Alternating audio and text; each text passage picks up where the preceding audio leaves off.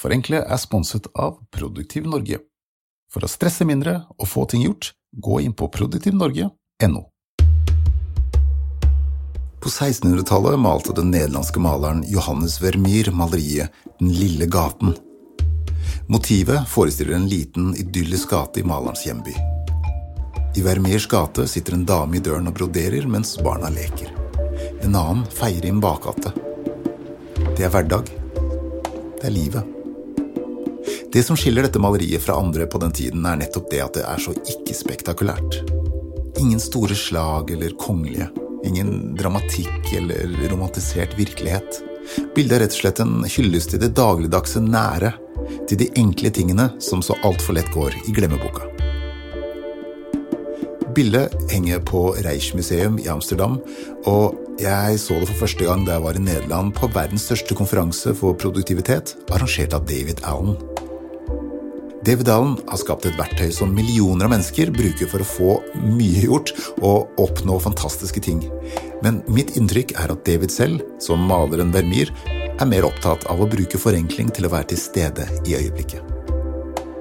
I dag har jeg snakket med David om akkurat dette her, og spurt han om hans tanker rundt hva forenkling er. Jeg håper dere liker det.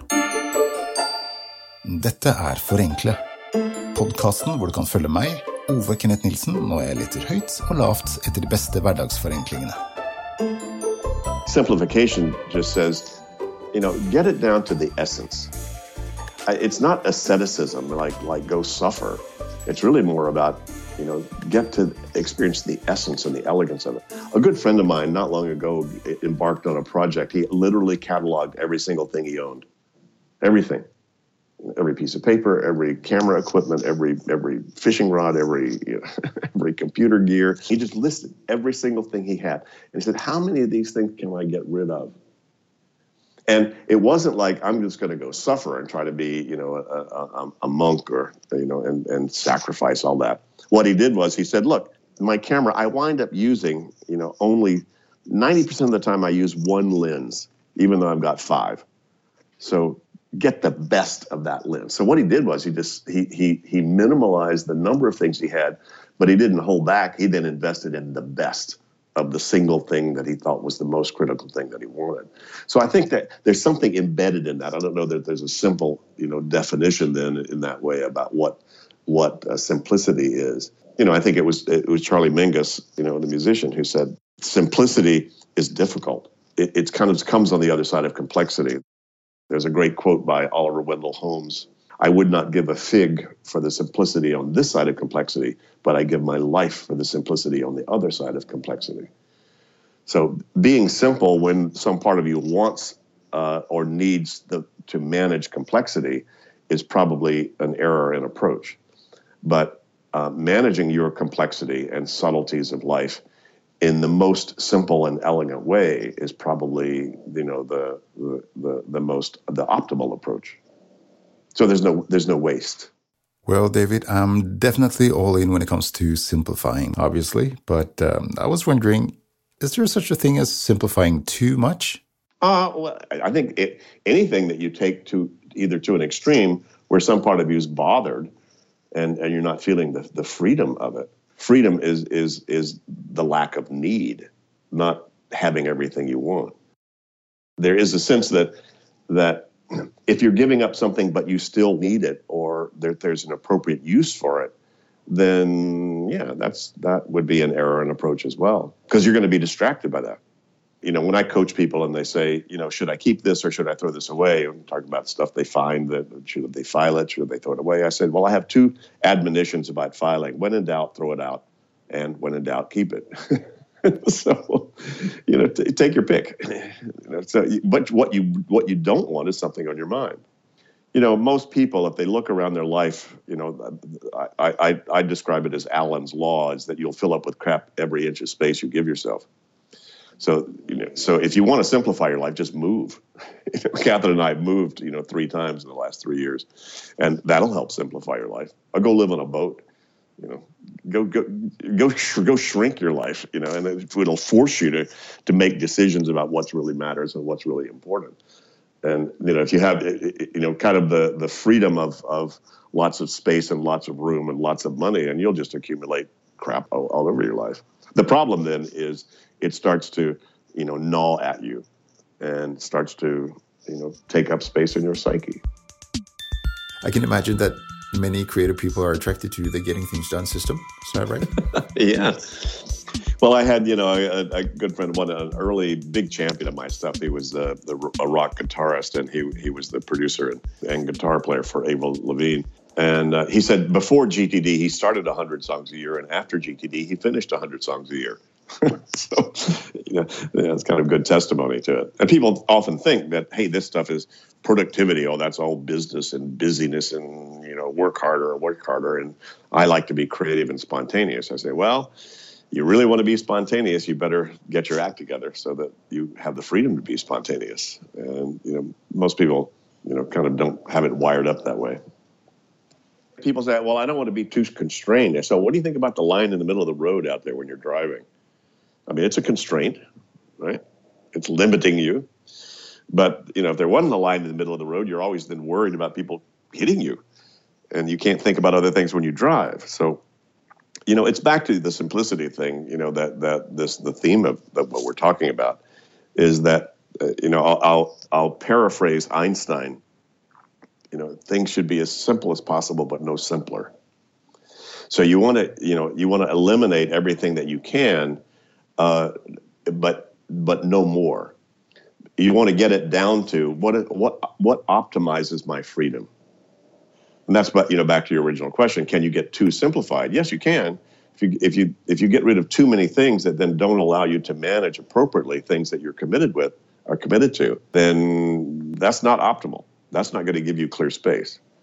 Uh, you do want to get rid of all, all that stuff that you don't need so that you do have the room for clear space and you don't want to have your mind thinking about things you know more than once i mean that's one of the cool and subtle things about GTD is you don't need to have a thought more than once unless you like the thought.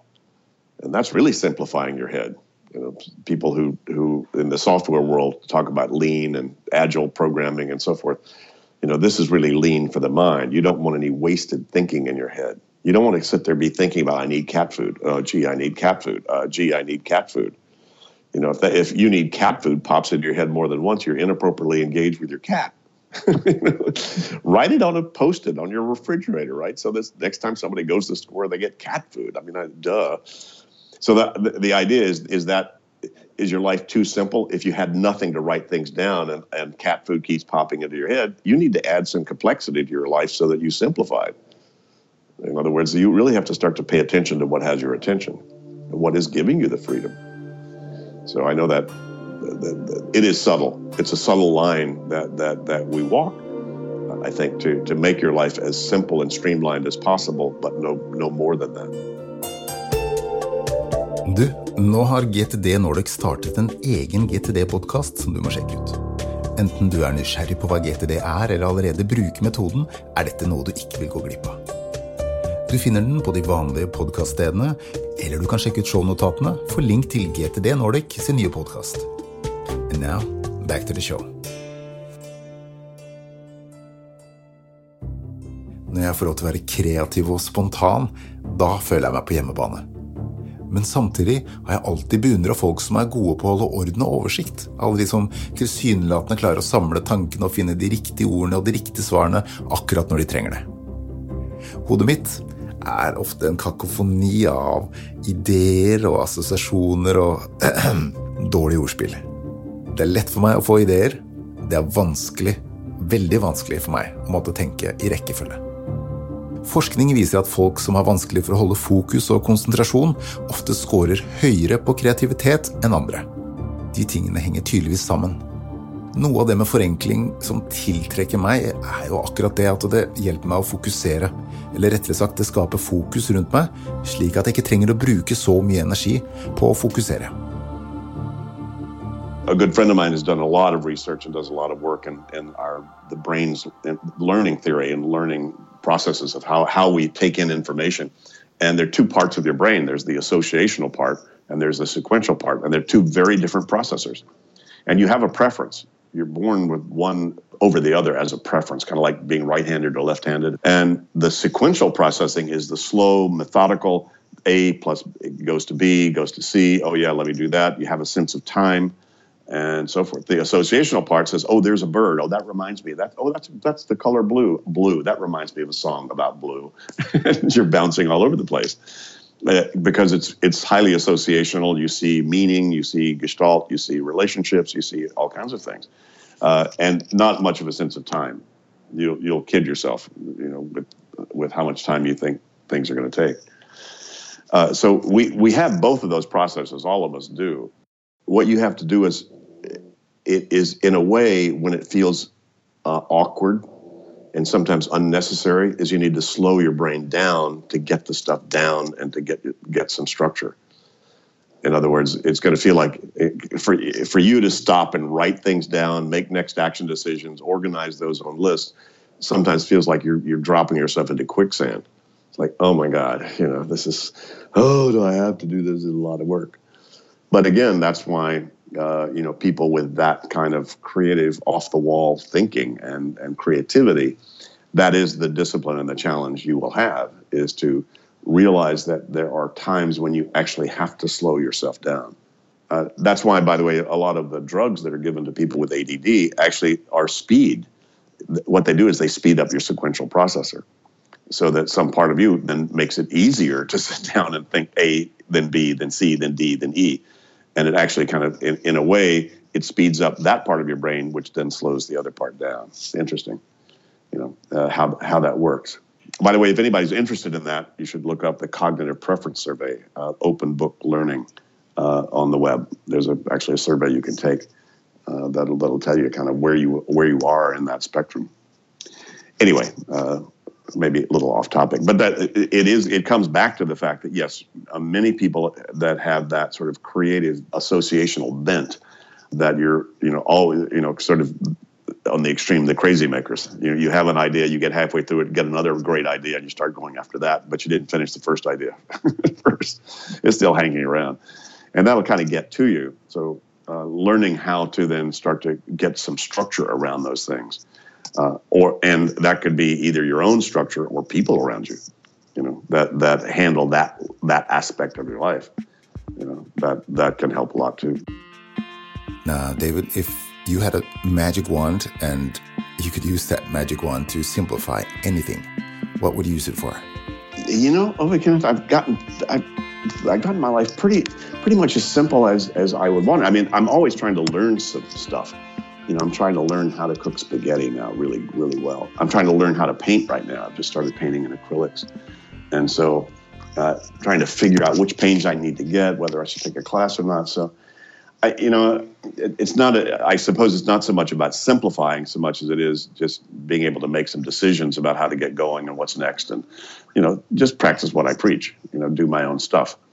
So, uh, you know, I'm, I'm not, I'm not exempt from having to deal with all the stuff that I teach as well. I think that's pretty much it. I, I, like my life being as spontaneous as I can. I mean, I plan as little as I get by with. You know, people have often asked me, "What what do I do consistently?" And I say, "Well, wake up and have coffee. That's about it. You know, that's about the only thing that I do uh, every day." You know, the night before, I tend to look at my calendar and see what the hard landscape is, so I lo- know how long I can sleep because I just love to sleep. And uh, and then I plan as little as I can get by with. Now, that doesn't mean I'm not thinking about priorities and thinking about my life and thinking about other stuff, uh, and you know what what I need to be doing. I'm just doing that on a consistent basis enough that I don't have to think that much. You know, I've already thought. A lot of people think, well, I've got too many lists, I've got too much content on my systems and so forth. And a, lot of times I do nothing that's on the list, but I have the freedom to do it because of the list, if that makes sense. I look at it and say, I don't want to do any of that. I'm going to go have a beer or go walk the dog around the park or something. And as I say, you can only feel good about what you're not doing when you know what you're not doing. So, you know, a lot of the simplification of life is is keeping track of that, documenting it so that it doesn't bother you any more than it should. Thank you so much for taking the time to talk to me. And uh, if there's anything I can do to simplify for you, then please let me know. oh, just send me your best wishes and good thoughts, and you know, uh, let's all just keep putting love, light, and truth into the universe. You know, it can use all the help it can get. You're doing a good job, from what I can tell. Well, David, it has been an absolute pleasure. It's mutual. Yes, indeed. Before we go, where can people connect with you or learn more about getting things done? Uh, gettingthingsdone.com, uh, the website. You got lots of stuff you can surf and, and take a look around there. Uh, my book is Getting Things Done, or whatever language that you happen to be in, uh, whatever the title is. Uh, you can probably find it wherever books are sold. And that's a good way to find out what this methodology is. I'm GTD Guy on Twitter and D Allen 45 on Instagram. So uh, happy to uh, connect with anybody. Thank you very much for taking the time. My pleasure, sir. Take care. Etter disse episodene med David Allen er det naturlig å lage en egen episode om Gering Things. Den jobbes med, så den kommer etter hvert, men i mellomtiden så kan du sjekke ut GTD Nordics nye podkast for å høre Nordens beste dele sin kunnskap om Gering Things. På meetup.com så kan folk arrangere møter hvor de diskuterer ting de er interessert i. Og det holdes meetups for GTD i Trondheim og i Oslo. Jeg er selv med og arrangerer Oslo GTD Gathering, som er en hyggelig og effektiv måte å bli bedre kjent med Gering Things Done-metoden.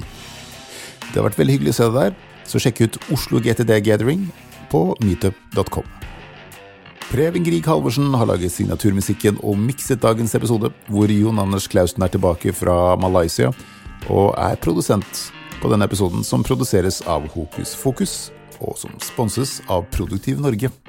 Jeg heter Ove Kenneth Nilsen, og husk at det meste blir bedre ved å forenkle det.